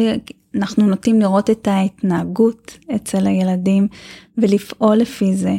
וברגע שאנחנו מזהים מה הצורך מאחורי זה, אז אנחנו יכולים גם להיות ברכות יותר, להאט לעצור ולתת את המענה. וזה גם אחד הדברים במעברים, עם מעבר אימהות, או כל הנושא שאנחנו דיברנו עליו, אנחנו מאוד מנסים לזהות את, ה, את הצורך. מה, כן, הפער בין רצון לבין צורך. כן. זאת אומרת, יכול להיות שהרצון שלי זה לחזור לתפקוד נורא נורא מהיר אחרי הלידה, ולהיות אימא, ולתקתק, ולחזור לחיים שאחרי, אבל הצורך העמוק הוא דווקא למשהו שמגייס את הסביבה יותר, ולוקח את הזמן, ויכול להיות שהרבה פעמים גם הפער בין מה שהגוף שלי מייצר בהחלמה יותר איטית, או במשהו שהוא אפילו, אפילו בלידה עצמה, זאת אומרת, משהו שמייצר סוג של אה, מעבר יותר איטי וארוך, אה, יכול להיות שזה יושב על זה שזה הצורך העמוק יותר שקיים שם. למרות הרצון נורא נורא מהר לחזור ל... לעניינים. זה אפרופו גם כן אה, כך, מעברים. אז אה, עם ילדים רואים את זה באמת הרבה פעמים באופן מאוד אה, מזוקק. כאילו, אני נורא רוצה עכשיו, אה, זה לא משנה מה אפילו, טלוויזיה, אוכל, מה הצורך, זאת אומרת, מה, מה יושב מתחת לדבר הזה, ואני מנסה לחשוב על זה שבעצם בסדנאות אנחנו לא מביאות מידע פיזיולוגי, אנחנו לא מיילדות, ואנחנו לא רופאות, אנחנו לא מביאות את כל הפן של פתיחה ומחיקה, ואנחנו ממש ממש אה, עושות עבודה על להגיע למעמד, למעמד הזה של לידה בעמדה פנימית אחרת. שהעמדה הפנימית שלי היא, היא יותר סומכת על עצמי פנימה. זאת אומרת, יותר סומכת על המשאבים שלי, על הכוחות שלי, אפילו ממש בלקחת משהו פיזי הרבה פעמים, כמו קמע, שעובר מהסדנה של איזשהו תהליך איתי ללידה עצמה, לחדר לידה, שהוא נמצא בתיק, שהוא נמצא איפשהו, איתי כאיזשהו עוגן. עכשיו, גם אם הדברים הם לא ילכו כמו שרציתי, והמציאות היא המציאות תמיד, אבל תהיה לי איזושהי יכולת קצת יותר רחבה להסתכל על הדברים, וקצת פחות באופן נורא מצומצם שמודד את זה בקנה מידה של הצלחה כישלון, או חיובי שלילי. אני יכולה להגיד ששלושת הלידות שלי תפסתי אותה, אני תופסת אותם עד היום כלידות, חוויות מאוד חיוביות, מאוד מאוד חיוביות. ורק בזכות ההתמקדות קלטתי שפתאום הן עולות. דברים, רגעים מתוך הלידה, פתאום עולים דרך הגוף, פתאום משהו מעלה משהו שהוא, ופתאום הבנתי שיש שם הרבה יותר ממה שאני נותנת לו תוקף, ושנכון שבסך הכל אולי החוויה הייתה חיובית, אבל היו בה המון המון רגעים לא פשוטים. היו בה הרבה מאוד רגעים של, זה לא משנה אם זה קשר עם בן אדם חיצוני, או אני מול עצמי, או איזשהו מגע פיזי, או משהו שם שהיה, שהיה מאוד מאוד קשה, והוא לא יכל לקבל את המקום שלו, אם לא הייתי מפנה רגע להתעכב על זה. זאת אומרת, דרך ההתמקדות, לתת לגוף להעלות את מה שצריך להעלות בעצם. כמו שאת אומרת, שזה לגמרי סיפור, ויכול להיות שם הכל. לגמרי, ממש ככה. וה, והרעיון הוא בעצם לעבוד באופן מאוד הוליסטי. כי זה לא לעבוד רק דרך, דרך הראש, דרך הראש יעלה מה שהראש מעלה, אבל הגוף מעלה דברים אחרים. והזיכרונות שלי והתחושות שלפעמים אה, מגיעות, זה דברים שכבר באמת אה, הם הרבה פעמים ככה פחות מודעים.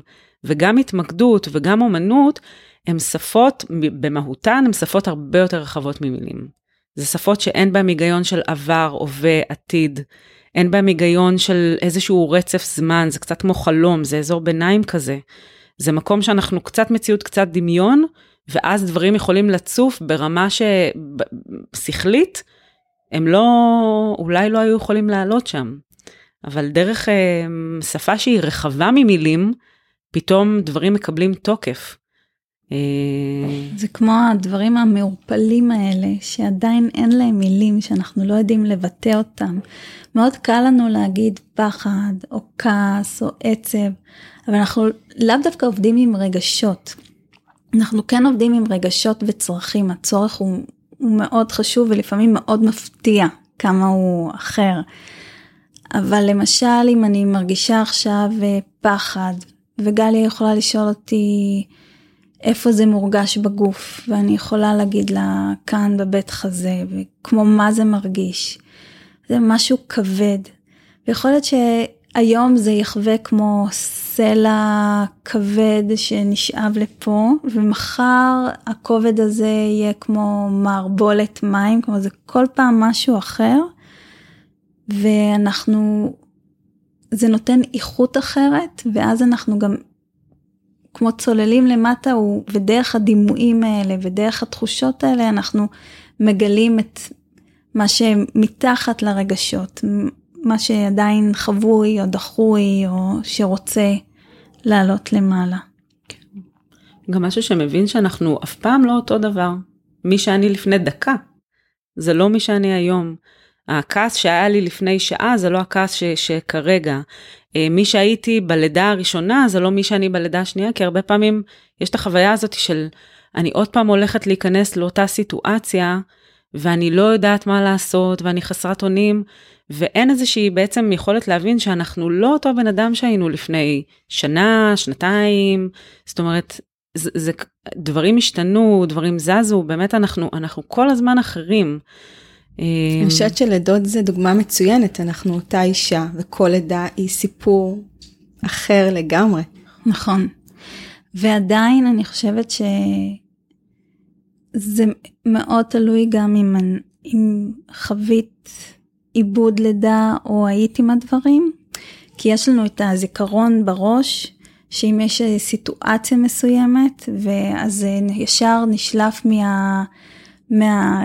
מה לא מהציר, כאילו שיש סיטואציה מסוימת שאני מרגישה חוויית חיים מסוכנת או משהו כזה, אז אין זמן לגוף שלי או לזיכרון ללכת אה, על הציר ולבדוק, אלא הוא, הוא ישר הולך לחוויה האחרונה שהרגשתי, ויכול להיות שהחוויה האחרונה שהרגשתי זה היה סוג של קיפאון, או סוג ש, שזה נורמלי, זה, זה משהו שהוא טבעי, אבל אם אנחנו באמת עוברים חוויית לידה, או באמת בודקים מה היה שם, או איזה צורך יש לי, אז כמו שגליה אמרה לפני כן, בין הדמיון למציאות אין הבדל, ואנחנו יכולים באמת בדמיון לחוות את החוויה, כי מה שחשוב זה החוויה הגופנית אחרת, ואז אם אנחנו עוד פעם נהיה בסיטואציה הזאת, זה מה שהגוף ישלוף מהזיכרון, וכל החוויה שלנו תהיה אחרת. אני חושבת שזה נאמר כמה פעמים, אבל מאוד חשוב uh, ככה לשים את זה שלגוף, הגוף לא יודע להבדיל בין מציאות לדמיון, uh, וזה משהו שכל כך, uh, um, כשמבינים את זה, זה כל כך uh, מאפשר מול ילדים, כי הם מביאים איזשהו רצון, במיוחד עכשיו בתקופות סגרים ומלחמה. אתה פשוט הולך איתה עם הדמיון ואתה מרגיש את הנינוחות פתאום, כי הם, הם היו שם, הם היו בלונה פארק. מבחינתם. היינו הגלגל הענק ועמדנו בתור ומבחינתם יש רגיעה. אז uh, זה דבר שהוא ממש uh, הכרחי ככה לחיים. וזה בדיוק המשאב. ככה אנחנו עובדים ממש עם משאבים. אנחנו, הזיכרון הזה של המשאב קיים בגוף, וברגע שאנחנו מעלים אותו, זיכרון טוב, ונותנים לו להיות בגוף, התחושה היא ממש, זה, זה החוויה, זה התחושה. ומשם באמת אפשר, אפשר להיות. אני יכולה להגיד שגיליתי דרך התהליך שאנחנו עברנו על העיבוד עלינו, זה שגיליתי, וזה נכח בכל אחת מה, משלושת הלידות, שברגעי מצוקה או משבר יש בי משהו, כנראה איזשהו משאב שאני אפילו לא מודעת עליו, שמגייס איזושהי דמות חיצונית ברגע המשבר להיות שם עבורי. ואחר כך כשגוללתי את הסיפור חיים שלי אחורה, פתאום יכלתי לראות שזה חוזר על עצמו כמעט בכל סיטואציית חיים קשה. זאת אומרת, יכול להיות שמשהו במערכת בגוף לא...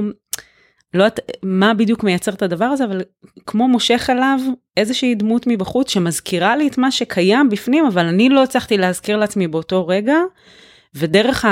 ה בין אם זה מגע, או בין אם זה מילים, או בין אם זה מבט עיניים, אני, אני מתמלאה בכוח שיש בי מחדש, זה כמו תזכורת כזאת ש, שנוכחת שם. פתאום יכלתי לראות בזה כוח מאוד מאוד גדול, שאני לא חושבת שהייתי שמה לב עליו אחרת. זאת אומרת, הייתי נותנת עליו את התוקף. זאת אומרת, זה, זה לגלות על עצמנו דברים מכל מיני כיוונים, ומה ששלנו, שלנו. כן, אני חושבת שהגילוי הזה נותן המון כוח בפעם הבאה, את כבר מכירה את המשאב הזה, הוא לא יפתיע אותך. אה, נהדר, וואו, אני כאילו לא רוצה לסיים. אה, באמת כיף פה. כן, ממש. אני שואלת אתכן אם יש עוד משהו שאתן רוצות לומר. איך מסכמים? יהיו פה כל כך הרבה דברים. כן. כן. אני חושבת שזאת אחת מה... זה אחד מהאתגרים הכי גדולים שלנו. כן. לסגור? לא, לא לסגור, אה, להתמקד על... אה, יש איזה משהו שהוא באמת מביא כל מיני עולמות, זה גם ככה התחושה שלנו גם, גם בסדנאות, קצת עולם אה, יוגה ואומנות והתמקדות וקונסטלציה, ו... אז מה בעצם אנחנו, נשים שואלות, אז רגע, מה, עם מה אני יוצאת? כאילו, מה, מה אתן מביאות? זה באמת מאוד מאוד קשה הרבה פעמים לנסח, לזקק משהו שהוא מאוד רחב לפסקה. אז uh, אנחנו, אני מאוד שמחה על ההזדמנות uh, לבוא לפה ולדבר את הדברים, כי זה, זה נותן להם איזשהו תוקף, מימד uh, ברוחב שראוי שהוא יקבל, ובעולם של היום, כשהדברים הם נורא מתומצתים ונורא מהירים וזה, זה, זה להביא משהו זר בתחושה שלי. אז... כשאת אומרת איך מסכמים וזה, אז, אז אני מאוד מתחברת לזה, זה כמו הסוגיה באמת של איך להציג את עצמנו. כן. מה, מי אנחנו, מה קודם, מה אנחנו מביאות. אני רוצה להגיד שאני חושבת שבעיקר מה שאנחנו מביאות זה הזמנה. זה הזמנה אה, להתבונן פנימה. אחד האנלוגיות היפות זה שהגוף שלנו הוא, הוא גוף מדהים ויש בו המון חלקים, הכבד, הלב, הריאות, כל אחד יש לו את התפקיד שלו, שהוא תפקיד נורא חשוב, אבל הם כולם עובדים ביחד לאורגניזם אחד, ואם פתאום אני נפצעת, אז כל הגוף הוא, הוא לשם, לרפא את, ה, לרפא את הפצע. וזה ממש ככה גם עם, ה, עם הנפש. וכמו שאני לא שמה לב שכל הסשן הזאת, הזה שהיינו ביחד, נשמנו, אבל אף אחד מאיתנו לא שמה מודעות על הנשימה, זה משהו אוטומט. אבל אם מישהי מאיתנו הייתה פתאום נחנקת או לא היה אוויר, אז פתאום היינו שמות לב. וזה בדיוק כמו, פעם נתנו את הדוגמה של תהליך העיכול.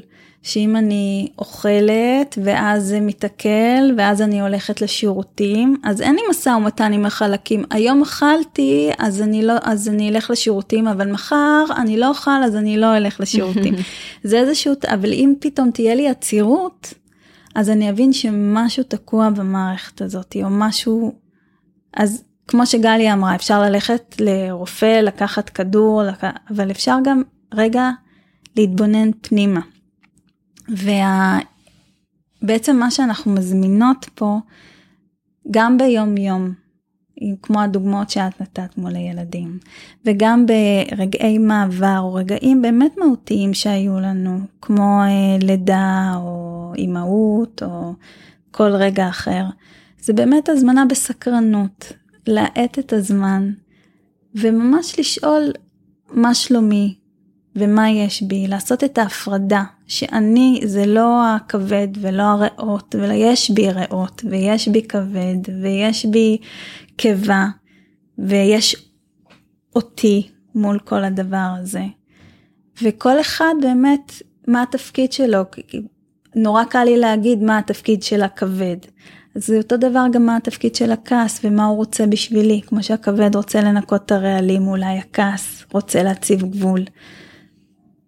וזה, ב... אני חושבת שזה בעיקר זה, זה פשוט להזמין, תשאלו את עצמכם, מה שלומי? קחו רגע שנייה כמו זום אאוט בסוף היום, או, או אפילו אחרי סיטואציה, או בס... רק לשאול מה שלומי, מה מורגש כרגע. לפעמים נוח יותר לעשות את זה תוך, אה, בתוך אה, טקסים כאלה. כי אני אומרת, גם אה, כמו, כמו בסשן עכשיו, יש לנו איזשהו זמן קצוב, יש לזה setting, יש משהו נוח בלראות את הדבר הזה כשיש לו איזשהו setting. וזה המשמעות, אני חושבת, של תהליך טיפולי, שאתה גם. מגיע שעה בשבוע לדוגמה, ואתה נכון. עושה שם את מה שלומי. נכון. אז זה באמת בהגדרה, זה כמו שהולכים, אני הולכת לתרגל יוגה, אז אני יודעת שאני מתנתקת מהטלפון, ואני שמה בגדים אחרים, ואני מורידה את כל התכשיטים. יש ממש טקס בדבר הזה, אני מתנקה מכל כך הרבה דברים, ואני שעה וחצי עכשיו, אני והמזרון, ואנחנו, ואני עושה שם משהו, זאת אומרת, משהו כבר, משהו כבר קורה, זאת אומרת, ברגע שזה, אז זה באמת, אני חושבת שזה הרבה פעמים לייצר את האיים האלה. באופן מודע, באופן אקטיבי, עד שהם, עד שהם הופכים באיזשהו שלב גם להיות קצת יותר מוטמעים, ואז פחות, פחות צריך ל, ל, לברוא אותם, אבל בהתחלה באמת הרבה פעמים יותר נוח כשזה תחום בזמן, וגם הרבה פעמים גם באמת אה, שזה, שאני לא לבד שם. כי הרבה פעמים הלבד שם הוא, הוא מאוד מפחיד, ככל כן. מישהו שיהיה איתי. וגם בהקשבה, כמו שאפילו לפני השיחה הזאת דיברנו על זה שלפעמים עשינו את התנועה הזאת של גלים, שככה זה החיים. אז זה באמת לדעת שאם אני פעם בשבוע עושה משהו, או יש היום מאוד את ה... לעשות ספורט כל יום, או פעם בשבוע ללכת לאנשהו, או כמו איזה גבול מסוים, ואז זה בדיוק הגבול הזה שאם פספסתי אז אוף, אני לא מצליחה להתמיד, אני לא מצליחה. אז יש, החיים הם, אה, הם כמו פעימה, מתכווץ, מתרחב, הם כמו גל. כל עוד אני באמת מקשיבה לעצמי שכרגע אני מרווחת, או כרגע אני זקוקה למשהו אחר, כלומר זה לא משהו שהוא... הוא, הוא קופסה, או, או זה, וג, וגם בזה אני, אני כן, אני תוחמת, כמו שגליה אמרה, אבל גם להקשיב, ש, מה שאני מתכוונת שלא לעשות את זה משהו נוקשה כזה, אלא גם את זה לעשות בהקשבה שאם המציאות מביאה משהו מבחוץ, ואז כרגע זה בסדר אם תכננתי לעשות משהו ו- ואני לא אעשה את זה, זה לא אומר שאני לא אעשה את זה אחר כך, אלא להביא איזושהי גמישות מסוימת. וזה לומדים כשבאמת אני חושבת שיש את ההקשבה הפנימית. שזה לא, אני לא תוחמת את עצמי בקופסה, וככה זה, למה? כי ככה, ואם לא, אז אני, אז, אז, אז, זה כמו שלפעמים בחינוך מול ילדים אנחנו אומרים, אם אתה תפסיד אה, בית ספר ככה וככה, אז איך, איך תלמד ללכת לעבודה, איך תלמד אה, להרוויח כסף, איך, אבל כשאנחנו יודעים באמת להקשיב ולסמוך ולראות ש... ולהאמין שזה באמת, הם, הם בני אדם בפני עצמם, אז, אז זה עוד פעם, זה ההבדל בין לשים גבול לבין לשרטט ולהקשיב. כן, אני חושבת שככה, מה שאנחנו מדברות פה זה על הגמישות ועל הדינמיות של החיים, שהחיים מביאים. קצת לפני שחיברנו את עצמנו למיקרופון, אה, דיברנו על תקופות שאנחנו מרגישים איזה קיפאון. אני תיארתי איזה תקופות שאני מרגישה פתאום שהמשאבים מאוד מאוד מוגבלים ואני צריכה לשמור. ובאמת אה, מה שאתן אומרות זה שזה מאוד מאוד עוזר, זה, זה להסכים להיות, להסכים להיות בקיבוץ הזה, להסכים להיות בקיפאון הזה, ולהאמין ולדעת ש, שעוד מעט יגיע רגע אחר. כן, יש הבדל מאוד גדול בין להיות uh, קפואה ולהגיד לעצמי, למה אני לא מתפקדת? למה אני לא מצליחה לעשות mm-hmm. זה? למה אני לא מתקשרת? למה אני לא עוזרת להורים שלי? למה אני לא סבלנית עם הילדים? מה קורה? אני לא עובדת כמו שאני רגילה וזה וזה, לבין לבוא ולהגיד לעצמי, אני שמה לב שאני לא כמו שאני בדרך כלל, וזה באמת, uh, יש תקופה שהיא לא מייצגת, וכרגע זה מה שיש. אני עושה את הטוב ביותר שאני יכולה ברגע הנתון הזה, וזה הבסט שלי לכרגע, וזה בסדר. ו- ו- וכן לקבל את זה, פחות לנסות אולי להילחם בזה, ו- ומתוך זה באמת להבין שהחיים הם, הם רצף של, של דברים, זאת אומרת, אה, דבר מוביל לדבר, אנחנו הרבה פעמים מדברות על זה שיש משהו, אנחנו אין סוף הרי, אנחנו מגיעות לאיזשהו שלב ו- וקורה משהו, מתפנה מרחב לדבר הבא לתפוס מקום, ואז הדבר הבא יתפוס מקום. זאת אומרת, באנלוגיה ש- שטליה נתנה על איך אנחנו, הגוף מעכל, הגוף יודע כבר שדבר מוביל לדבר. אכלתי, הגוף מתחיל את השלב של העיכול, יהיה פינוי, יתפנה מקום לדבר הבא. זאת אומרת, ככה הדברים עובדים בעצם.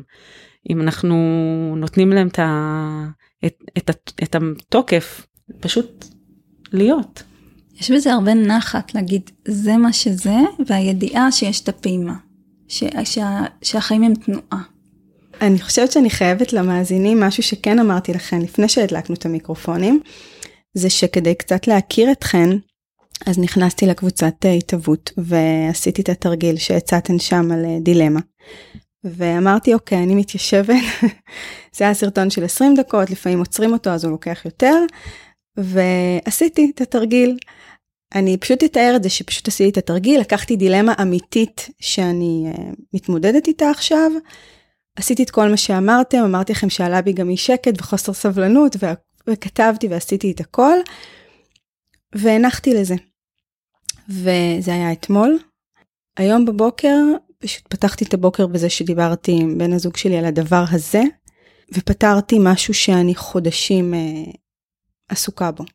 אז זהו, אז אני, אני רוצה להגיד את זה כי זה הסיפור, זה מה שהיה, זה חשוב לי נראה לי, גם הזכרנו את זה איפשהו בשיחה, אמ, אז אני מודה על התהליך. מה אני קצת רוצה, יש לי איזה, בא לי להחזיר את זה אלייך ולהגיד, זה עצם זה שאת פינית לזה את הזמן ואת המקום ושמת את התודעה שלך שם, מעבר לתרגיל אפילו לדברים הטכניים, אנחנו כל כך הרבה פעמים בחיים אה, אומרים בסדר טוב נגיע לזה זה בין אם זה יכול להיות איזה מיחושים כאב שאפילו כבר הופך להיות כרוני. אה, דילמות כל מיני דברים עצם זה שהתיישבתי רגע 20 דקות חצי שעה עם עצמי שמתי את הדבר הזה ואמרתי אני עכשיו נותנת את שמה את התודעה שלי על הדבר הזה. זה המון. אנחנו מדברות על זה כל השיחה, על לעצור, על להקשיב, על מה שלומי, זה נראה לי שזור בכל השיחה שלנו. כן, כן. כן. אז על הדרך גם אה, נפטר לי איזה פלונטר, מה אכפת לי? וואו, איזה כיף, מדהים. אה, טוב, אז אה, אני אעזור לנו לסכם. אני רוצה להגיד לכם ממש תודה שהגעתן לכאן. ובשיחה הראשונית שלי בטלפון עם גלי התחלנו לדבר ובשעה אמרתי לה בואו בואו נדבר זה היה די מהיר נכון אז אני שמחה על, ה, על ההזדמנות להיפגש ואני מודה לכם באופן אישי באמת על המפגש שפתח אצלי המון דברים ועוד חלקם אני בטח יבין אחר כך בדיעבד כמו שאמרנו. אני רוצה להגיד לך תודה על ההזמנה ועל ה... הלב הפתוח, משהו מאוד מאוד אה, פתוח. ממש. וואי, תודה רבה. אני גם נראה לי עוד אקח את השיחה הזאת, מאוד נהניתי. יש פה, אתם לא רואים את זה פה, אבל יש פה חדר מקסים ומזמין ונוח וצבעוני וממש ממש כיף. תודה. זאת המערה שלי. הנה, זה המקום הנוח. כן, לגמרי. תודה, בנות.